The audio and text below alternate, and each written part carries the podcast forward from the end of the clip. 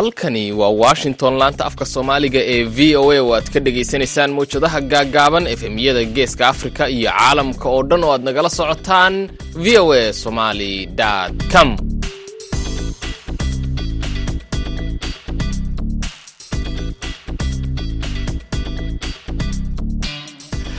duhur wanaagsan dhegaystayaal. Waa maalin sabti ah bisha disembar ay toddobiyo toban tahay sanadka labada kun iyo labaiyo labaatanka afrikada bari. Waxa ay idaa afrikada bari saacaddu waxay haatan tilmaamaysaa kowdii iyo badhkii duhurnimo. Idaacadda duhurnimo ee barnaamijka dhallinyarada maantana waxaa halkan di kala socodsiinaya anoo ah ismaaciil xuseen farjar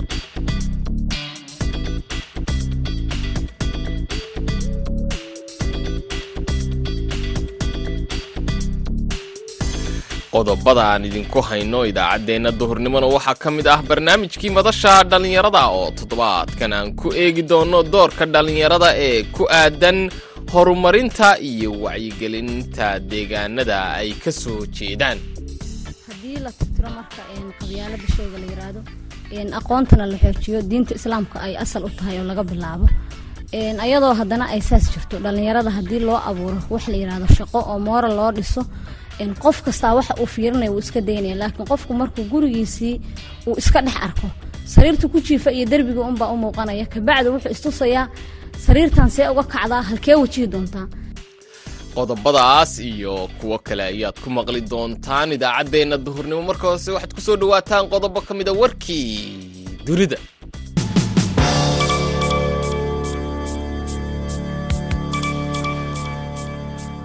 aan ku bilownay dalka jordan ayaa maanta xidhay tobannaan qof oo lagu eedeeyey in ay ku lug lahaayeen mudaharaad lagaga soo horjeeday qiimaha shidaalka oo sare u kacay.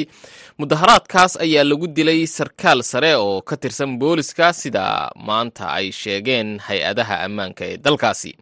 Korneyl cabdirasaaq dalaabe taliya ku-xigeenka booliska gobolka macaan ayaa u dhintay rasaas madaxa looga dhuftay magaalada al xuseeniya maalintii khamiista isagoo ka hortegaya waxa maamulku ugu yeedhay rabshado.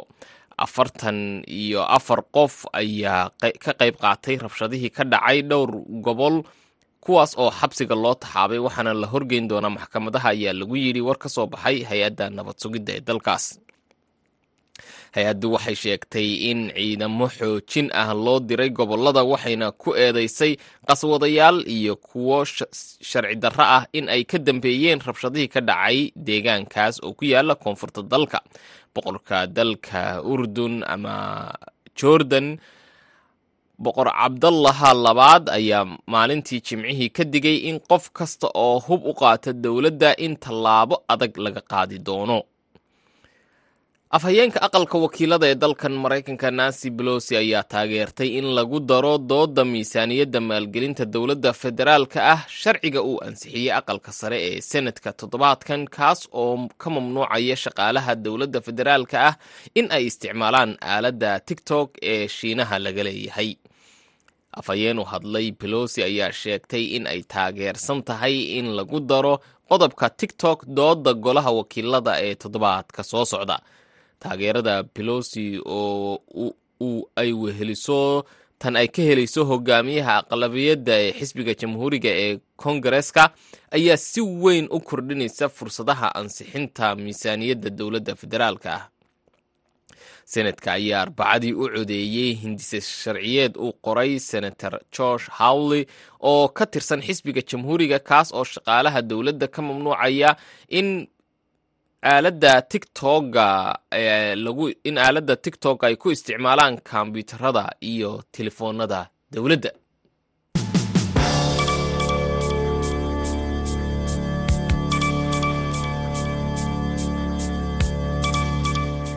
duhur wanaagsan dhegaystayaal halka aad nagala socotaana waa idaacadda duhurnimo ee laanta afka soomaaliga ee v o a washington idinka imanaysa haatanna waxaad ku soo dhawaataan barnaamijkii madasha dhallinyarada waxaana gaalkacyo noogu soo diyaariyey wariyaha v o a cabdiwaaxid macalin isxaaq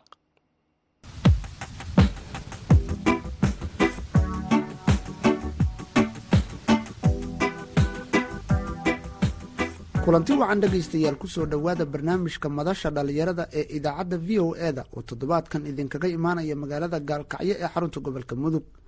Toddobaadkan barnaamijka waxaa idinla socodsiinaya anigoo cabdiwaaxid macalin isaaqa barnaamijkeenna madasha dhallinyarada toddobaadkan waxaanu kaga hadli doonaa kulan dhowaan dhallinyaro loogu qabtay magaalada gaalkacyo ee xarunta gobolka mudug. Kulanka oo looga hadlayay doorka dhalintu ay ku yeelan karto wacyigelinta deegaanadii ay ka yimaadeen iyo xaaladaha ka jira deegaanada ay ka soo tageen. Barnaamijka madasha dhallinyarada toddobaadkan waxaa igala qeybgeli doona xasan cali xasan maxamed cali gurxan yurub cabdulqaadir sheekh cali iyo sucdi cismaan nuur. Dhammaan waxa ay ka mid ahaayeen dhallinyaradii ka qayb gashay ee kulankii ku soo ilaaday magaalada gaalkacyo ee xarunta gobolka mudug.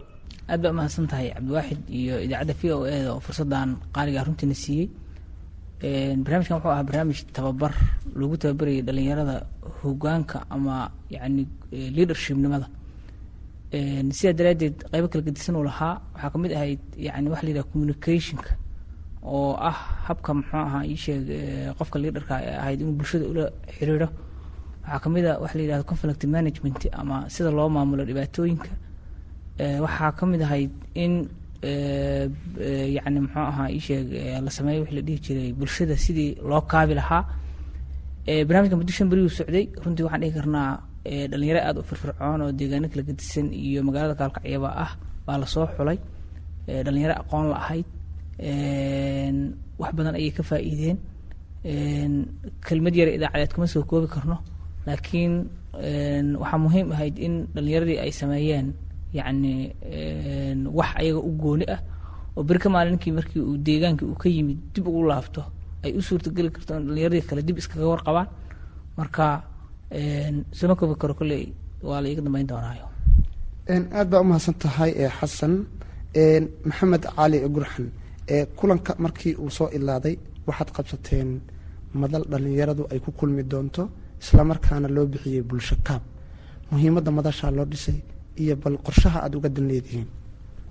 Bismi illaahi raxmaan iraxiim markii uu noo furmay seminaarkii aan ku baranaynay barnaamijka la yiraahdo leadershipka ama hogaaminta runtii wuxuu noo socday barnaamijkaasi muddo shan maalmooda barnaamijkaas waxyaalo badan ayaan ka baranay oo ay ka mid tahay hogaaminta oo kaleeto communicationka qabka habka loo wada xiriiro conflict management sida macnaha loo manage gareeyo isku dhacyada iyo wax noocaasa.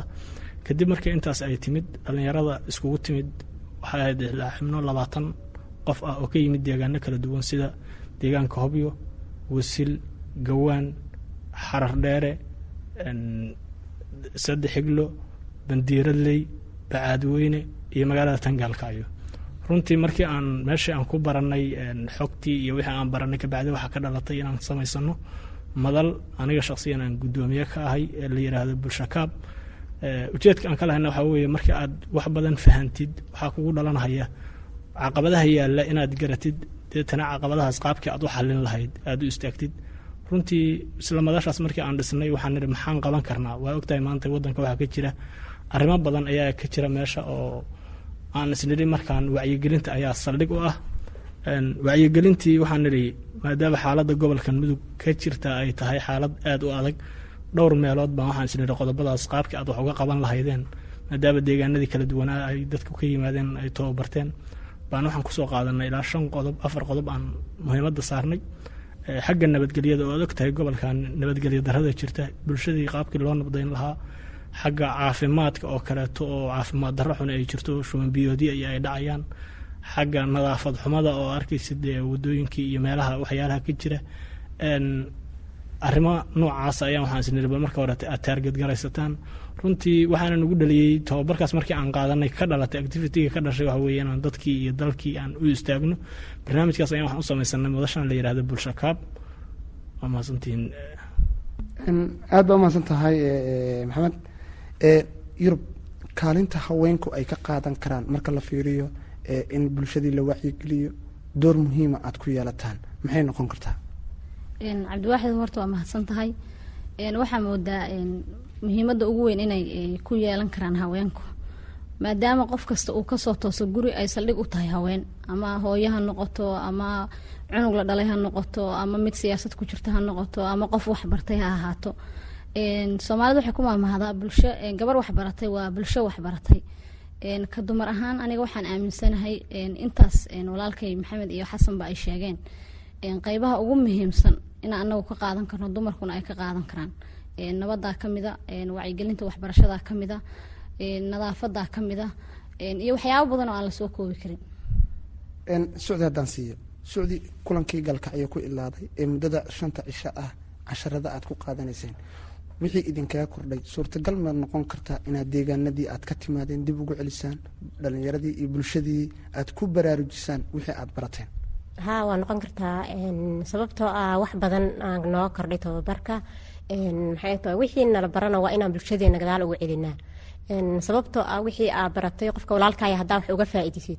Wax badan bay ka bedeleysaa hadda haddii aan dhalinyaro nahay oo isku nimaadno wax badan baa nalaga faa'iidaya sababtoo ah dhalinyaradu waa waa waxay ahayd dadka ugu bulshada ugu badan ay ku kala socoto ama wax walba oo horjooga u ah sida maxay waxbarashada kulley waa maskaxdii waxaan dhihi karaa deegaanka dhalinyaradu sababtoo ah wax walba waa dhalinyaro wax wada dagaal hadday tahay maxay tooye nabad hadday tahay wax walba dhalinyarada horjoog u ah. Wax badan baana ka bedeli karnaa deegaanadeennana wax badan ayaan kula noqon karnaa ama dadkeena wax badan baa u faa'iidin karnaa. Sababtoo ah wax badan baan faa'iidnay dhalinyaro badan dad aanan aqoonba meeshaan isku baranay alxamdulilah aniga kolley ka ahaan dhalinyaradan in badan oo kamida ma aanan aqoonin. Alxamdulilah maanta waxaan faa'iiday. Dad badan baan bartay ururka bulshakaab ayaan ka mid noqday. Waa ku faraxsanahay inta aan bartay intii aan meeshan ka faa'iidaystay intii maxay aan kala laaban doono ama gurigay kula laaban doono ama bulshada dhexdeeda kula laaban doono. Alxamdulilah marka wax badan baan ka faa'iiday waana wax badan baan u soo kordhin karaa baan is leeyahay deegaankayga iyo dhalinyarada intaba iyo dadkayga iyo shacabkayga. Aad baa umahadsantiin xasan in badan dhalinyarada marka la fiiriyo kulamaa loo qabtaa haddana miro dhal ma noqdaan. Sababtu maxay tahay? Waxyaabaha ugu daran oo keena horta waa hadaf la'aan. Qofku sidiisa haddii isagoo awal guuxayay oo ka fekerayay warsee ummaddan ama bulshadii ay ka soo jeeday see wax uga bedeli kartaa. Hadduu fursad helo waxaa suurtagala fursadda uu helay markiiba wixii ka guuxayay inuu yacni kaga faa'iideeyo. Laakiin bilaa hami asagoo ah oo wax ka guuxaya aanay jirin tababarka la siiyey canjarada hooyadii waxba ugama duwanaa marka dad runtii waxay ahaayeen dadkan awal wada guuxayay. Waxay heleen fursad la iskugu keenay oo deegaano kala gedisan yani la iskaga keenay. Taasaa keentay maalintii u horreeyey oo tababarka oo ay isbarteen inay ku heshiiyaan ama magaalada ha noqdo ama deegaanada ka baxsan ha noqdee inay yacni muxuu aha yeeshaan hadaf. Hadafkoogu ma ahan mudug oo qur ah waa dhammaan soomaaliya oo dhan. Marka soomaalida waxay tidhahdaa naftigabe naf kale ma kalkaalo marka ay ku fakereen inay meelaha ay joogaan yani bulshada wax ka qabtaan bulshadii ka kaabaan runtii kadib ay u gudbi karaan yani gobolka wixii ka baxsan oo dhan iyo soomaali guud ahaan. Marka anigu waxaan dhihi karaa aas aas waxa u ah in tababarada noocan oo kale ay gudbi waayeen waa hami la'aanta. Fikirkaas walaalkii xasan waan la qabaa oo qofto ah waxa weeye qof ay wax u bilaaban yihiin. Haddii wax loogu daro hore u soconaya laakiin qof aan waxba u bilownayn ama aan lahayn hadaf intaas ka sii dheer iyo dadkii qaabkii wax uga bedeli lahaa haddii wax loo qabto wax badan iska bedeli mahayaan. Waxaan kaleetoo sababeynhayaa inay jirto wacyigelinta loo qabto dhalinyarada hay'aduhu ay u qabtaan inay aada ugu yartahay gobolkan oo kaleeto tusaale ahaan. Maantay intaan shaksiyaadkan loo qabtay waa laga dareemi doonaa haddii ilahayno kuwo kaleeto lamidana haddii loo qabta anagu marka waxaan codsanaynaa in tababarada dhalinyaradana loo kordhiyo wacyigelinta ku saabsan ayagu si ay uga qeyb qaataan systemkan maaragtay maantay wadanku xaalad xun buu ku jiraaye haddii dhalinyaro maskax wanaagsan laga helo tababarka markii la qabanhayo dhalinyarta isku madax isku maahan kala duwan yihiin. Soddon qof baad u qabanaysaa waxaad ka helaysaa shan ujeedadii iyo hadafkii laga lahaa iyo garanaysa halka inta kaleeta ay noqon hayaan wax maaragtay bacaad bacaad caana lagu shubay bay noqon dad aan fahmin barnaamijka noocaasa. Marka waxaan leeyahay wacyigelinta oo yar iyo dadka wacyigelinta ka qeyb qaadanhaya qeyb ka mid ah oo aan u bisleen arrintaas ee maantaas maaragtay dadka iskala tag ah oo si aragti dheer aysan jirin baa waxyaalaha saameynta ku leh ah. Yurub dhalinyarada kulamaa loo qabta waa la wacyigeliyaa wakti walba. Haddana dhibaatada dhalinyarada way sii socotaa oo waxay ka mid noqonayaan kooxihii dhibaatooyinka hadday noqon lahayd kooxadiimeedyadii waxay gelayaan baddii oo tahriib bay gelayaan burcadbadeed iyo waxyaabahaasay noqonayaan. Sababtu maxay tahay cabdiwaaxid horta sababtu waxay tahay laba maadaba way jirtaa qofka horta awalan waxaa fiican inuu qof diin la yahay. Cunuga guriga uu ka soo barbaaro haddii dad diin laho asal u yihiin ay dhaleen qof kasta oo islaam ah waxaa waajibka inuu diinta dib u fiiriyo. Dhalinyaranimana way jirtaa. Dadka sababaha ku kalifahaya waxay tahay dhalinyaradii gobolka waxaa baahiyey ama soomaaliya oo dhan waxa la yihahda qabaailka. Aqoon la'aanna way jirtaa. Haddii la tirtiro marka qabyaalada sheyga la yiraahdo aqoontana la xoojiyo diinta islaamka ay asal u tahay oo laga bilaabo. Ayadoo haddana ay saas jirto dhalinyarada haddii loo abuuro wax la yiraahdo shaqo oo moora loo dhiso qof kastaa waxa uu fiirinaya wuu iska daynaya laakiin qofku markuu gurigiisii uu iska dhex arko sariirta ku jiifa iyo derbiga unbaa u muuqanaya kabacdi wuxuu istusayaa sariirtan see uga kacdaa halkee wajihi doontaa. Gaalkacyo hadduu ku dhashay uusan shaqo ka soo helaynin ama waxbarasho waxaa laga yaabaa reera faqiira inuu ka soo jeedo aan waxba heli karinin waxaa laga yaabaa cid ku moral ku siisaa isa inuu waxbarto oo laleeyahy war waxaan awalba gaala asal u wax jira maahayn marka aniga waxaan aaminsanahay dadka in loo kordhiyo horta kow in laga dhiso diinta islaamka. Waana shay waajib ah in la barto. Labo inay tahay wacyigelinta. In la wacyigeliyo waxaan inay wax diiniyan ku xunna uu yahay tahriibku iyo diimahan kaleeto la kala gelayo iyo inuu yahay micnihi waxaan asagaba anfacayno mustaqbalkiisa halaynaya marka ilaah idankiisa waxaan rajeynayaa labaatankeena qof oo ku kulantay magaaladan gaalkacyo. Gobolka mudug inaan wax badan ka bedeli doono ilaah idankiisa dad badan oo duunina ay u badnaayeen dhalinyaro aqoon yahanaan ay ahaayeen. Dhalinyaradana tababarada noocaan oo kale loo badiyo. Dadka marka dhalinyarada wax laga barayo oo tababarka loo qabanayo inay ahaadaan dad wax fahmi kalo fariintaana gudbin karo oo aysan noqonin dad waxaan horta aan hadafka lahayn. Waxaan aan meesha la fadhiisan sida labaatankeenoo kale waxaan u malaynayaa inuu laka dayan doono ilaah idankiisa ansiya maxamed dhalinyaradu kulankii gaalkacyo ku ilaaday qabatay magaca bulshakaab la baxday. Maxaad bulshada ku soo kordhin kartaan? Runtii waxyaalo badan baan isleenahay waa ku soo kordhin kartaan. Sababta waxa weeye bulshakaab markii aan dhisanay waxaan ku dhisanay qalbi sifaysan. Waxaan u dhisanay xaaladaha ka jira wadanka qaabkii aan wax uga qaban lahayn. Runtii roma maalin laguma dhisin. Maalinna laguma wada gaari karo. Danihii o dhan laguma wada gaari karo. Step by step baan rabnaa inaan u soconno. Qodobada dhowr qodob baan waxaan ugu talagalnay inaan marka horeeto dhig joojin ka dhigno oo xaaladda iska taagan oo kaleeto tusaale ahaan. Waxa la sameeyo waxa ugu wanaagsanna waxa weeye dad bilaadan loo sameeyo wacyigelin. Sababta waxa weeye qofka aa wacyigelisa waxaa siisay fure. Furahaasna wuxuu ku furan doonaa meesha aad u wacyigelisay laakiin si kaleeta waxba ku dhaqaaqi mahaya marka qodobkeena annaga waxaan ka dhignay wacyigelin. Wacyigelin dadka maxaa laga wacyigelinhayaa maxaa yaalla dhibaatada taale magaalada tan gaalkacyo aad og tahay ilaa hadda waxaa ka jira dagaalo aan cidna kaga heshiin.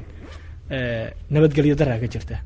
Waxaan qodobadeena ku jirta qaabka aan nabadda uga qayb qaadan lahayn oo dadkaas walaalaha oo maalin kasta waxay isku dilahayaan cidna aynan garanayn. Qaabkii aan nabadayntoodaas kaga qayb qaadan lahayn habka ugu fududo aan isleenaha markaas insha allahu inaan ku dhaqaajino waa wax broses ku jira. Sidoo kaleeto waxaa qeybka ah caafimaadkii oo kaleeto. Dadkii ayagoo colaadi a haysataa misena abaaray ugu darsantay. Waxyaalaha dhacaya waxa weeye dadkii waxay u dhimanhayaan marka qaaf baharaad u dhimanhaya kuwa shubanbiyood u dhimanhaya caafimaad daraa jirta waxyaalo badan. Marka dhanka caafimaadka oo kaleetana qaabkii looga wacyigelin karo iyo qaabkii dadkii taakulooyinka iyo dhiibahaya qaabkii ahaan loo sii reexi karo barnaamijkaas dhiirigelin loogu sii samayn karo la oran karo hore u sii wada wacyigelinta qayb ahaan iyadoo ka ah. Qodobadaas baa waxbarashadii oo kaleeto. Waxaa jira dhalinyaro badan oo waxbarashadii ka dhacday. Haddaan waxbarashadoodii lagu wacyigelin oo dadkoodii aan la oran u hura dhaqaalaha waxay imaanhayaan dhalinyartii inay dhibaatada ka qayb noqdaan. Sababta waxa weye mar hadduu waxbarashadii iyo qalinkii uu soo dhigo awal waxaa la oran jiray qoriga dhig qalinka qaad baa la oran jiray moogtahay hadda waxay noqonaysaa haddaan la taakulayn qofkii wax baranayay qalinka dhig qoriga qaaday noqonaysaa. Saa bedelka dadkiiba ka goobanaya. Ayadaa laftirkeedana waxaan rabnaa haddii ilahaydma waxay noogu jirtaa broseskaas socday noogu jirtaa. Waxeenuna waan cusubnahay laakiin fikirkeenna iyo maskaxdeennuba waa la cusub yihiin. Runtii dad u wada baahnaa barnaamijkaas qaabkay u dhaqaajin lahaayeen baan nahay insha allahu ilahina waxaan ka rajeynayna inuu nala garab galo. Aad baa mahadsantaa maxamed. Xasan sida uu maxamed ka dhawaajiyey gaalkacyo aan joogna waxaa ka jirta xaalada muddo laba bilood ka badanna soo jiitamayay arintaa doorka dhalinyaradu ay ka qaadan karta intee la ekaan karaa? Bismillahi raxmaan raxiim doorka dhalinyaradu horta wuu aad buu u ballaaran yahay. Maxaa somalida waxa la yidhaahdaa waa toddobaatan iyo shan boqolkiiba dhalinyarada doorka ay ka qaadan karaan waxaa maanta dhimanaya oo dhaawacmaya waa dhalinyaro inay marka hubka dhigaan waa door lakiin anagu taan raadinayna waxa weeye in bulshadii horta la wacyigeliyo maxaa asal u ah in meeshu ay nabad noqon weyso gobolka nabad noqon waayo? Waxaan dhihi karnaa waa dhowr safadood. Koo waxaa u ah aqoon daro labo cadaalad xumo. Kama soo qaad qof baa raba inuu nabaddii ka shaqeeyo laakiin ma jirto daacad baan jirin. Waa daacad daro caqabad kaloo saddexaad baa jirto. Oo nin la yidhaha abwaan sangub waxaa jirta kelmad untuu malaha soomaalida waayaha dambe si fiican udheeyey uu isticmaalo yiri. Ummad wada siyaasiya sidee loo xukumayaa? Soomaalidu gebigood wada siyaasiyiin ba sidee loo dhaqi karaa?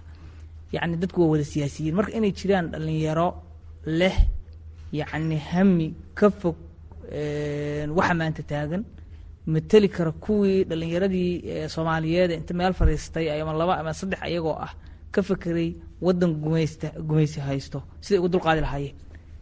Wax marka markii dhinac loo eego la yidhaahdo nabadda gaalkacyo way dhib badan tahay waa macquul. Laakiin markii la barbar dhigo nin dhallinyaraa oo ugu weyna dhallinyarada wuxuu jiray lix iyo sano ee ka fekeray gumaysiga inuu dalka ka qaado gobol laba qolo oo muslin ah soomaali ah af iyo diin iyo dhaqan iyo dhalashaba wadaagta wax fudud weeye. Inay muxuaa dhalinyaradu door fiican ka qaadan karaan doorkooduna waa doorka ugu weyn baan dhihi karnaa yurubaan siinayaa yurub haddii kaalin sidaa xasan tilmaamay dhalinyaradu ay nabadda aada uga qaadan karto maxay tahay caqabadda hortaagan cabdiwaaxid horta waa mahadsan tahay. Caqabado badan way jiraan. Caqabadda ugu horeysa horta waxay tahay. Waxaa la yidhaha daacadarada waxaan u malaynayaa wax kasta oo la isku dayo in la qaban karo gaalkacyo dagaalo baa ka dhici jiray ama gobolka amba siduu caanka ku ahaa. Haddana waa laga heshiin jiray xilligaan ma soo gaari jirinin waxyaabaha uu kala xirxiran hadda taagan yahana waa siyaasad. Waxaan u malaynayaa marka siyaasadda laftirkeeda. Haddii cadaalad lagu daro ama dhalinyaradu ay la kulmaan siyaasiyiinta inay wax badan ka bedeli karaan ee heerka ay taagan yihiin labada maamul goboleed. Dhalinyaradu marka waa doorka ugu muhiimsan. Waxa dhibka ku dhacayaana waa ayaga laakiin waxaa moodaa wixii hadda ka horreeyaba inta dad dhalinyaraha u istaageen inaysa dhihin warqaabkan sidee baan ku maaraynaa? Waxaan see uga gudbi karnaa siyaasiyiinta ma la kulmi karnaa dhibkan gaalkaci ka jiro ma ogaan karnaa xal intee la eg baan ka gaari karnaa. Laakiin haddii tusaale ah la istuso in waxaan la qaban karo daacadna loo yahay diiniyana loo fiiriyo waa wax fudud cabdiwaaxid oo in la qabto wayna fududaanaysaa insha allah. Hawshiinan hadda maanta aada halkan u fadhiseen oo aada soo gabagabayseen inay dhaqan geli doonto dhalinyaradu si ay waddo la qaado oo wanaagsan u noqoto. Maxaad ku ballan qaaday? Dad marka aan fahmi karno wix ilaahay socodsiiyaa socodsiin kare eh yacni hami ka wada guuxaya weeye sidaa daraaddeed waxaan leenahay rajada aan qabnaa anaga aad bay u weyn tahay. Wax walbana maalin bay bilowdaa. Soodi in wixii la bilaabo ay dhaqan galayaan oo ay wanaagsanaanayaan mis leedahay way dhici kartaa way dhici kartaa koleyto haddii dadku daacad u yahay wixii ay bilaabaan in ay dadkii daacad hadday u yihiin inay socon karaan.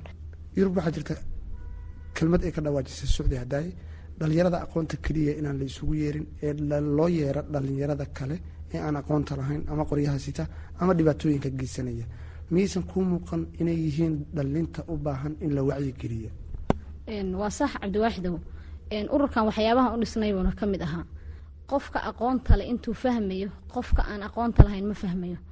Laakiin wixii anigoo aqoonle la ibaray waxaan ku bedeli karaa qof kaleoo aan aqoon lahayn intaan la fadhiisto waqti ku bixiyo inaan u sheegi karo ama wax ka dhaadhicin karo. Markaas unbaan waxaan geen karaa ama inuu wax ama ra'yigu taagnaa aan ka bedeli karaa. Laakiin macalin soo hor istaagay qof aan waxna qorin waxna akhrin si wax uu sheegaa waxay ila aniga inay adag tahay. Saacaduuna hor taagnaanayaa uuba fahmi waayo yiraahdo ruuxan uu kuu sheegayay waxa la hogaaminayo maxay tahay? Jaanis baaba lagaa soo beeldiray laakiin haddii qof aqoon-yahani la fadhiisto ama uu fahmayo ama uu garanayo inaan uu bedeli karo qofkaasi micnihi oo saas lagu keeni karo. Shalay markaan aniga wax bartay beri kuwaan wax aqoon baan wax bari karaa. Saa dambe ayagaa fadhiisanaya booskan fadhiya. Dhegaystayaal intaas ayaanu ku soo gabagabeyneynaa barnaamijka madasha dhalinyarada oo toddobaadkan aan idinla socodsiinayay anigoo cabdiwaaxida wuxuuna barnaamijka idinkaga imaanaya magaalada gaalkacyo ee xarunta gobolka mudug. Intaynu barnaamij midkan la mid ah ku kulmi doono waxaanu idinkaga tegaynaa sidaa iyo nabadgelyo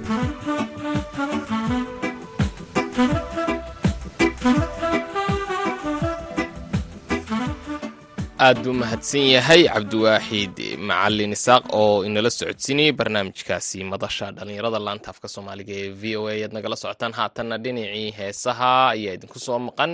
Hees ay si talantaaliya ugu luuqeeyaan luul jeelaani iyo aweys